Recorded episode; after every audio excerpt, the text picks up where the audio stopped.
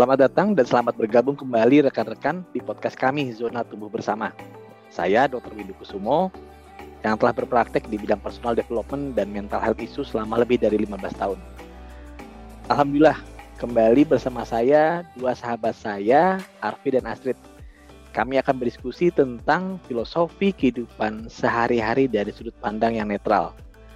Podcast ini kami gagas bukan untuk menjustifikasi baik atau buruk, benar atau salah, bahkan hitam atau putih. Kami percaya bahwa perspektif siapa yang protagonis atau antagonis dalam suatu kehidupan itu benar-benar sifatnya relatif.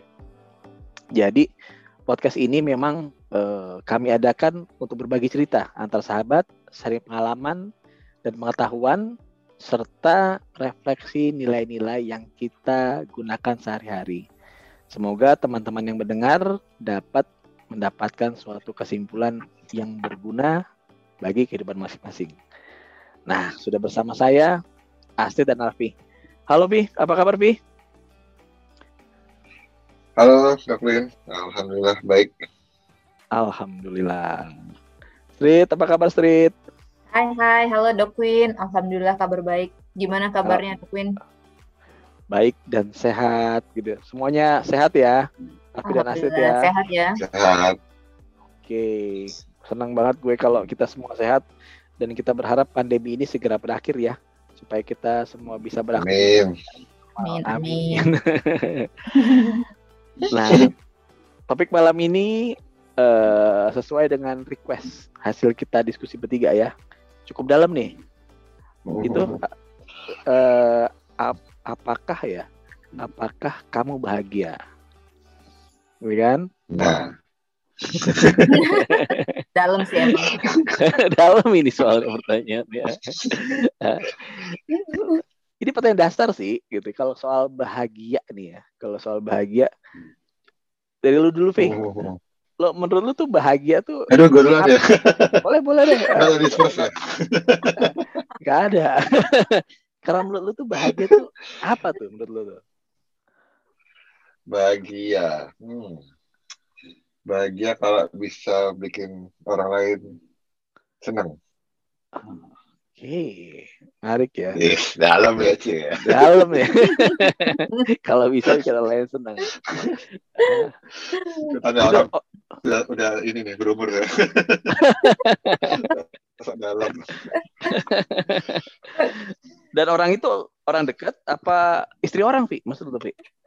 Orang dekat Ya, itu, itu, itu. ya macam-macam maksudnya nggak cuman orang dekat aja sih ya pokoknya sekitaran gue lah gitu kalau mereka senang kayaknya Oh. udah happy aja gue gitu loh Oh, iya iya. remeh Dalam tapi ya. nggak remeh ya Ah, remeh tapi gak remeh. Oke, menarik sih, menarik sih. Ah, kalau lu street bahagia tuh apa versi lu?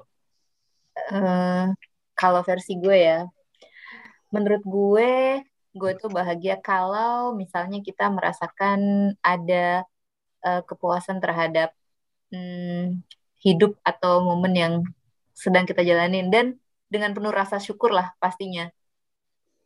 Plus tadi hampir sama sih kayak Arfi, kalau bikin orang lain eh, happy, terutama keluarga, itu bikin kita juga jadi bahagia. Ah, oke. Berarti dari lu berdua, it seems that bahwa bahagia itu unselfish ya? Iya. Nggak sangat e- tidak egois. Iya. Jadi ya gitu ya. Kita kita bahagia Iya, kalau iya orang lain idealnya gitu ya idealnya. Tadi Astrid nyebut kata happy, ya kan? Heeh. Dan ini menjadi eh, sering banget ya klien-klien gue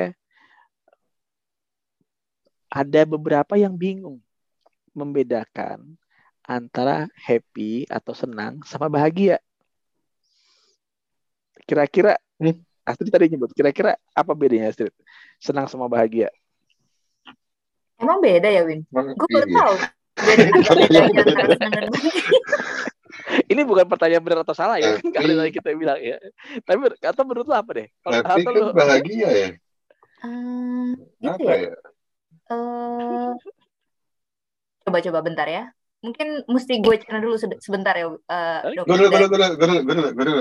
Gue dulu, Oke, kayaknya kalau bahagia itu uh, something yang mungkin berhubungan dengan orang lain. Tapi kalau senang itu kayak individu gitu loh.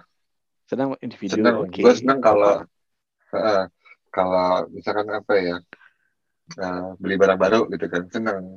Senang, oke. Okay. Tapi tapi bahagianya itu kalau misalkan ya itu uh, yang orang lain gitu kan. Ya, gitu, gitu hmm, okay. ya ada bener ya, Mbak Witis itu bagus kok. Kayaknya uh, gue bisa sedikit ini nih dari okay. agak adopt dari Arfi. uh, silakan. Curang. Mungkin kalau senang lebih temporary ya. Okay. Uh, uh, tapi oh. kalau bahagia lebih ke uh, long term gitu. Lebih nggak long term. Bener nggak? Okay. Kalau misalnya tadi uh, analoginya Arfi kan bilang kalau beli barang baru tuh seneng. Biasanya hmm, kan kita hmm. kalau ada barang baru tuh ya seneng, tapi cuman yeah. sesaat gitu kan, bukan. Ah. Tapi kalau bahagia kan mungkin lebih dalam, lebih lama gitu kan? Nggak hmm. tahu deh, bener nggak tuh Dok Win? gue gue setuju deh, senang gue senang kalau tim bola gue menang, tapi gue uh. bahagia kalau tim bola gue juara. Juara kan oh. kan gitu ya. pakai pakai filosofi tim bola. Oke. okay. Tapi pendapat lu berdua tuh udah udah udah sesuai ke arah situ. Ya, sebenarnya kembali definisi oh. bahagia itu kan nggak ada nggak ada yang benar atau salah kan ya. Itu kan sangat ini hal yang gitu. sangat subjektif, hal yang sangat hal yang sangat hmm. uh, unik bagi tiap orang. Tapi kalau polanya sih yang sering uh, gue juga terangkan ke klien-klien gue bahwa gue tambahin aja sih dari yang tadi Arfi sama Astrid sampaikan bahwa memang bahagia itu sifatnya sesaat. Eh sorry sorry, senang itu sifatnya sesaat ya, seperti temporary. Sedangkan bahagia itu dia jangka panjang atau sustain. Kemudian kalau senang itu dia itu sifatnya dangkal cenderung lebih hmm. dangkal. Karena kan seneng. Hmm. ya kan? Tadi habis lo hmm. beli barang baru seneng kan? Ya kan? Hmm. tapi kan ya level senang itu kan ya itu aja gitu ya. Seberapa dalamnya itu segitu aja. Tapi kalau bahagia kalau tim lo juara waduh rasanya tuh bisa bisa hmm. panjang tuh. Bisa sepanjang musim rasanya. Ya ya ya ya, ya kan? Kalau gue seneng gue bahagia gimana Lu seneng lu bahagia. Nah, ini menarik nih pertanyaan lo. Gue seneng kalau gue, gue seneng kalau gue bahagia. Indahnya hidup itu kalau kayak gitu ya.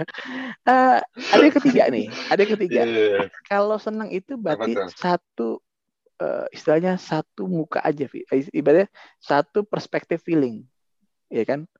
Seneng ya seneng, gitu kan? Gue seneng, gue bahagia. Tapi dalam bahagia itu, ini yang sering banget kadang-kadang atau mungkin kita tahu, tapi mungkin kita belum benar-benar utuh mengerti. Hmm. Dalam bahagia itu banyak rasa, banyak emosi. Misalnya ya, tadi lu bilang tim bola juara, ya kan? Juara pas juara senang dong. Tapi kan hmm. proses juara hmm. itu kan dia capek, dia latihan, dia stres juga. Kadang-kadang pada saat dia pernah kalah juga kan, hmm. ya kan? Ada rasa macam-macam yeah. emosi di situ. Mm-hmm. Ya kan? Atau misalnya uh, seorang ibu deh, ya Astrid kan ibu punya anak gitu ya. Kita bahagia pada saat anak kita misalnya apa uh, lulus dari sekolah gitu kan. Mm. Tapi kan untuk lulus itu kan berjuang kan seorang ibu kan. So. Dampingin dia belajar, ngobatin pada saat dia sakit, kemudian mungkin pada saat-saat tertentu anak kita nakal kita ngingetin dia ada kesel-keselnya juga ya kan Iya. Tapi di ujung-ujungnya misalnya dia lulus di SD, dia lulus di SMP atau beberapa yang mungkin anaknya udah di mau ke universitas. Bahagia karena dia sudah lulus atau dia juara. Itu adalah gabungan dari segala rasa. Nah, inilah yang uh, membedakan antara senang dan bahagia. Bahagia tuh lebih utuh gitu loh, hmm. guys, lebih lebih luas, lebih dalam. Ya, itu ya. sih. Tapi memang sifatnya subjektif. Tiap orang tuh punya level kebahagiaan yang berbeda-beda.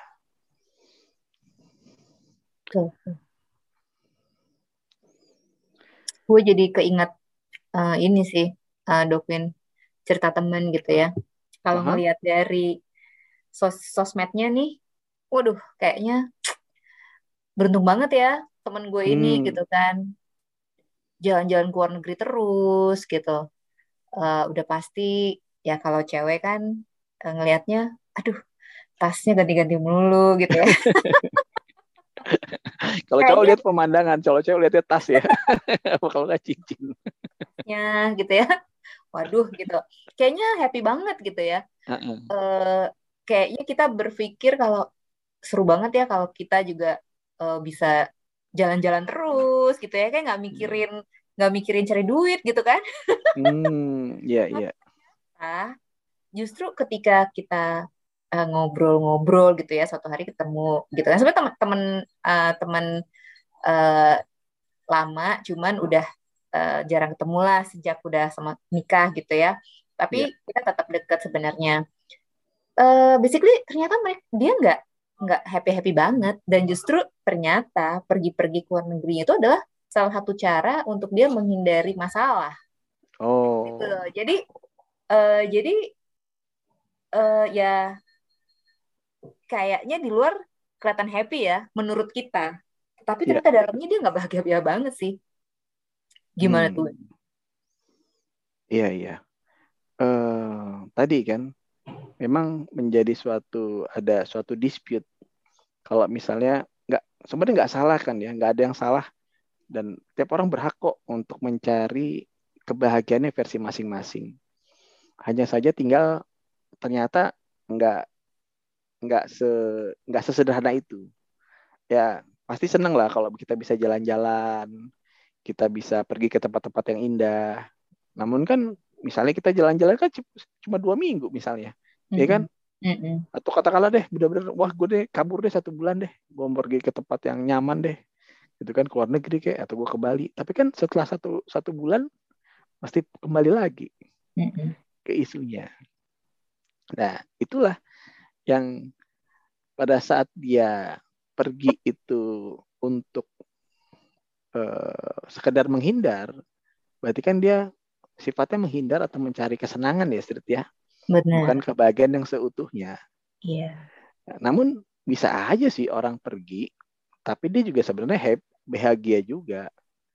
Itu yang dia perlu bedakan antara ini sekedar pelampiasan, sekedar penghindaran, atau ini memang gue ini memang liburan itu untuk berbagi, mencari pengalaman baru, atau menikmati momen-momen bahagia bersama keluarga gue gitu. Hal yang sama dilakukan tapi kalau di dalamnya beda pasti beda juga sih ya. Kalau lu Vi gimana Vi soal yang kayak gini Vi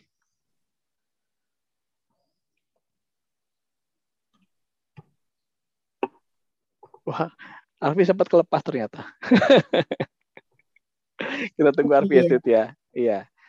Nah, jadi ya eh, kalau dibilang ya Street bahwa kebahagiaan itu kan bagian dari perasaan ya Street ya. Mm-mm.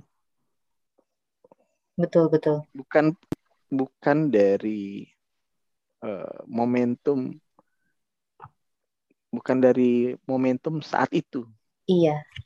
Pada saat lagi jalan-jalan, lagi makan-makan, oh gue bahagia banget nih mungkin terjadi dispute atau bingung. Nih lo lagi happy apalagi bahagia. Mm-hmm. Kayaknya kalau gitu kalau jalan-jalan gitu pernah deh, gue punya pengalaman. Katakanlah kita milih nih ya, lo gue lo gue suruh milih deh. Lebih nyaman lo misalnya ya di luar negeri di tempat yang indah lah. Mm-hmm. Di depan lo makanan yang enak banget gitu ya. Mm-hmm. ya. Tapi lo sendirian. Lo sendirian di kota yang asing nggak ada temen keluarga lu lagi ada di Indonesia semua mm-hmm. Nah itu lo lo lo paling suka makan apa misalnya? Hmm, apa aja sih basically? Apa ya? Katakanlah makan steak lah, steak ya, Ya, steak wagyu, wagyu gitu ya, enak lah gitu ya. Hmm, Nah pilih steak wagyu di tempat yang indah, enak tapi sendirian, atau gitu ya, lo pilih makan di Indonesia, katakanlah yang sedanglah nasi goreng spesial, tapi ada suami lo, ada anak lo lagi bercanda-bercanda. Mending yang kedua. Iya kan? Iya kan? Lebih bahagia yang mana pertanyaannya? Kalau gue lebih bahagia yang kedua. Iya kan? Ah, Hmm. ah. Mau makan kasarnya gitu ya cuman Mm-mm. beli somai pinggir jalan tapi Ah, lengkap gitu berempat. Iya. lebih lebih happy karena ya kan gue juga eh, gue eh, ya sebelum pandemi kan lumayan sering bisnis trip keluar gitu kan ah. sendirian gitu ya ya seneng keluar negerinya jalan-jalannya tapi Iya. eh, tetap kepikiran basically itu pasti akan tetap kepikiran keluarga Iya. Ah, Hmm. Iya kan? Jadi senang pada saat di luar negeri pasti senang. Tapi seneng kalau tanya bahagia yang mana? Oh, gue pilih yang kedua. Iya. Kan? Kalau kita punya orang punya orang yang Hmm. terdekat, orang yang tersayang. Mm-mm. Ah, Arfi udah gabung lagi, Pi. Pi, gabung udah gabung lagi, Pi. Udah, udah. udah dari tadi. Pi gimana, Pi? Menurut lu, Pi, yang tadi pertanyaan Astrid, Pi? Ya. Kayaknya pertanyaannya pas gue lagi hilang deh. Oh, gila. Ah. Ya tadi As- Astrid nanya kalau misalnya kok ad- ada ya temennya Astrid yang eh, sekilas gitu kalau misalnya dari status di sosial media itu enjoy lah hidupnya. Hmm. Tapi ternyata Hmm. begitu ngobrol-ngobrol ya manusia kan semua orang punya masalah ya ternyata oh nggak seindah di sosial media kok gitu loh. Iya, iya, iya. Ternyata iya. dia perginya itu untuk menghindar aja. Kalau menurut lu gimana? Yang hal seperti ini, Vi? Ya, kadang memang kita butuh terlihat indah di sosial media biar bisa dapetin komen dan likes yang banyak. Itu kan kadang-kadang sebuah kesenangan ya. Kesenangan Sedangkan- lagi ya. Iya, iya gitu. Jadi comments like itu menimbulkan kesenangan ya. Tapi Iya. Kecanduan jangan-jangan. dan wah itu lebih sesuatu lagi deh kalau comment likes menjadi Iya. eh ya beberapa kali pada beberapa kasus menjadi kecanduan ya. Ah, ah. Mm-mm. tapi ternyata sebenarnya aslinya gitu kondisi sebenarnya tidak seperti yang dia ini di sosmed gitu ya ini Ah, ah, sih. Ah, ada beberapa nggak semua sih cuman iya. mostly ternyata begitu Ah, sih. Artinya sih nggak. Sebenarnya tiap orang berhak berekspresi. Kalau gue juga senang sih kalau ngeliat teman-teman. Istinya sih kita senang kan dia ngeliat teman kita bahagia, teman kita Mm-mm. sukses kan. Iya, iya. Pada dasarnya oh iya loh, iya iya eh, iya sukses loh dia. Walaupun mungkin ada beberapa bagian yang, aduh gimana ya rasanya gitu kan. Kita juga, gue juga Mm. pengen dong jalan-jalan gitu kan. Gue juga pengen dong seperti sukses Hmm. seperti itu. Tapi it's okay. Ujungnya kalau misalnya kita positif kan kita senang lihat orang lain bahagia. Mm-mm. Hanya saja dan orang bebas berekspresi di sosial media. Hanya saja memang tadi kayak seperti Arfi tadi bilang kalau misalnya likes dan komen jadi kecanduan bisa jadi tekanan juga tuh dan banyak kasus Hmm. seperti itu. Apa ukuran kebahagiaannya bukan dari nilai-nilai yang nyata yang ada di depan mata tuh yang real tapi berdasarkan comments and like. Malahnya jadinya hidupnya jadinya nggak sama nih antara sosial media sama kenyataan yang sebenarnya. Bahkan beberapa kasus tuh malah jadinya fake ya, ada agak cenderung Mm-mm. Mm-mm. biar bagaimanapun sosial media lebih bagus deh gitu dia kayak gitu. Padahal aslinya nggak seperti itu. Itu yang disayangkan kalau kayak Mm-mm. gitu. Iya, iya, iya. Ya, itu mungkin apa mengejar kebahagiaan yang mungkin eh, nggak ini ya, nggak sebenarnya lah gitu ya. benar Mm-mm. jadi sebenarnya bahagia nggak ya gitu ya terus mental state apa yang sebaiknya dibangun ya dok Win Ah, ini intinya sih Street. Kalau berdasarkan pengalaman gue ya Street, ada dua nih Street yang perlu kita bangun bersama-sama. Hmm. Yang pertama itu katakanlah gue sebut perfect imperfection. Artinya kita menerima ketidaksempurnaan. Bahwa sebenarnya kita tuh bahagia kalau kita menerima dalam hidup itu ada gabungan segala macam rasa. Dan hmm. sifatnya itu kita ini manusia itu terbatas. Hmm. Jadi kalau kita katakanlah kita uh, jatuh cinta deh sama orang deh, kita misalnya kita cinta sama pasangan kita. Tapi kan dalam saat kita jatuh cinta itu kan pasti ada rasa rindu, ada rasa sayang. Mm-hmm. Ya kan? Tapi kan ternyata dalam jatuh cinta itu ada rasa cemburu, ada rasa khawatir, ada rasa eh, kadang-kadang ada rasa aduh harusnya kamu bisa lebih baik lagi. Ya, jadi dalam nih ada gabungan perfect imperfection. Atau misalnya uh, katakanlah tadi di sosial media kita bagus gitu kan ya. Uh, kita tahu nih ada orang punya rumah bagus, rapih gitulah rumahnya. Tapi kita sadar oh ternyata rumah gue tuh ya katakanlah oh nggak mewah-mewah gimana tapi rapi ada orang yang oh gue suka taman gue begini jadi sadar oh bukan taman yang luas apa kemudian tumbuh-tumbuhannya itu mahal-mahal mewah-mewah enggak tapi dia bilang oh dia nampilin di sosial media oh taman saya rapi cantik bagus bunga-bunganya saya rawat dia nyadari ini buat saya itu udah perfect walaupun buat kamu mungkin nggak sempurna masih jauh tapi buat saya itu udah udah saya udah istilahnya hmm. udah senang banget kok ya kan itu perfect imperfections yang kedua, mental state yang kedua adalah kita menerima prosesnya. Kita menghargai proses. Hmm. Embrace, embrace gitu loh, embrace the process. Ada, gue kutip ya, salah satu motivator dunia itu uh, namanya Jim Rohn.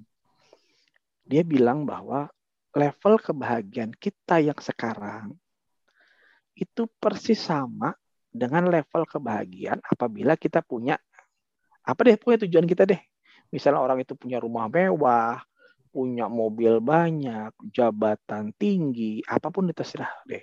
Tapi level kebahagiaan kita yang rasakan sekarang itu sama persis kalau tujuan kita tercapai. Hmm. Jadi uh, orang itu kalau misalnya chasing dreams, gitu, gitu, oh gue tuh pengen gini gini gini gini, gitu kan. Tapi bahagia itu adalah saat kita chasing, saat kita ngejar mimpi kita, kita udah menghargai proses itu. Kita bahagia dalam proses itu. Kita senang punya patience. Nanti pada saat kita mencapai mimpi kita, itulah perasaan yang ada tuh sama. Dan itu yang tercermin sama semua pasien gue tuh kayak gitu. Persis juga lucu. Dan, dan gue ngerasain iya, bener sih dari waktu waktu gue juga di awal-awal, mungkin Astrid sama Arfi juga sama kok. Waktu kita dulu ya, kita SMA, kuliah, ya kan awal-awal bekerja sama-sama nggak punya uang gitu ya misalnya gitu kan dari mm-hmm. awal terus kita punya sesuatu lah sekarang sama kan bahagianya tergantung mental state kita, mm-hmm. ya kan state hmm. gitu loh. Iya iya iya. Yang kedua sih yang kalau gue sih nangkapnya kayak yang gue banget tuh kalau tadi tuh uh, ada lagi yang bola itu tuh kayaknya gue bahagia hmm. kalau menikmati prosesnya nih wah sekarang menang hmm. terus apa namanya bisa nonton itu di stadion tuh kayaknya udah wah udah senang deh gitu kan bahagia lah gitu kan. Mau iya, menang iya, mau iya. kalah iya. start dulu deh. Iya, pokoknya bisa iya. bareng-bareng kan. Iya iya. Eh, kalah. Udah. Tapi kan masih ada next nextnya lagi kan next pertandingan iya. gitu kan. Malah ada joynya uh. kan. Coba misalnya kata lo tim lu apa sih? Gue lupa. Liverpool apa MU ya? Liverpool tim lo. Liverpool. Liverpool, Liverpool. Ya. kan sekarang lagi menang Liverpool kan lagi menang Liverpool lagi menang ya kan nggak seru ya nih lu kan nggak seru banget hmm. misalnya itu ya nggak seru banget kalau saat, dalam satu satu uh, tahun kompetisi Liverpool tuh pasti menang kan nggak seru banget ya semua tim tuh di bawah dia semua udah pasti Kayaknya nggak pernah sih. Iya kan nggak pernah kan, gitu kan. Dan nggak iya, seru yeah, kalau yeah. nggak seru deh kalau dia ngelawan yeah. MU ternyata pemain MU itu yang jago-jago lagi bergerak atau pemain-pemain yeah, Manchester City lagi kena kartu merah gitu kan nggak seru. Justru- thrillnya kan dia ada dia ada ada kalahnya ada drawnya ada dramanya. Itu yang membuat satu kompetisi itu jadinya seru kan. Dan Iya, seandainya iya, seandainya dia jadi juara kompetisi itu bahagia banget pendukungnya. Mm. gitu. Iya. Bener-bener. Prosesnya sih emang yang menikmati prosesnya itu yang iya. bikin iya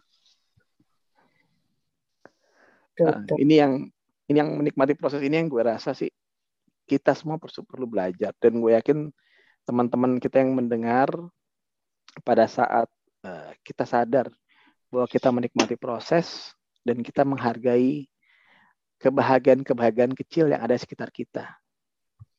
Ya kan? Hmm. Mm-mm.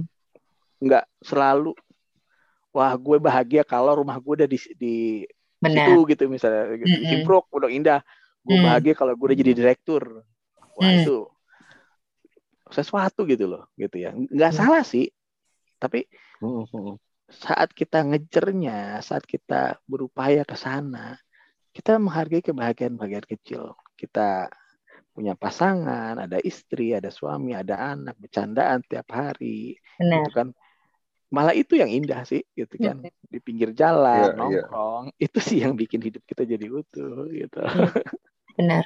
hmm. Benar banget sih. Kalau gue personally itu eh, bahagia itu kalau sama keluarga ya. hmm.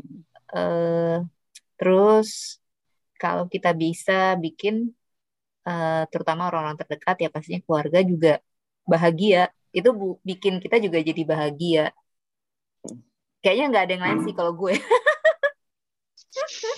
iya iya the real happiness-nya itu emang maksudnya bahagia yang seutuhnya tuh memang di keluarga lah kalau gue gitu mungkin kan teman-teman yang lain punya definisi kebahagiaan yang berbeda-beda ya Iya. Mm-mm. Gitu. Iya, benar. Tiap orang tuh punya eh, definisi bahagia masing-masing dan eh, memang tiap orang itu unik. Selama tadi bisa menemukan versi dia seperti apa. Kalau dari Arfi kan prosesnya, kemudian Mm-mm. senang kalau ngeliat orang lain bahagia. Kalau dari Astrid, ya bahagia itu melibatkan keluarga orang- orang-orang terdekat. Gue Mm-mm. juga sama sih, kayak Astrid juga. Gue juga bahagia kalau keluarga gue, istri anak gue itu Hmm. nggak bahagia itu buat gue sesuatu banget. Karena memang dalam kayak gitu. Ya mudah-mudahan mendengar kita bisa juga menemukan kebahagiaan versi masing-masing ya. Iya benar. Ya, Ah, ya. Oke, jadi kesimpulan kita malam ini bahwa bahagia itu memang dalam, ya kan guys ya. Da- dalam, dia unik. Kemudian ternyata bahagia itu meliputi banyak rasa, sifatnya juga sustain atau jangka panjang, Betul. dan yang dua hal yang perlu sama-sama kita belajar dalam hidup bahwa bahagia itu kita menghargai proses dan sifatnya tidak harus sempurna. Justru perfect imperfection Yeah. itu yang membuat hidup kita menjadi lebih utuh.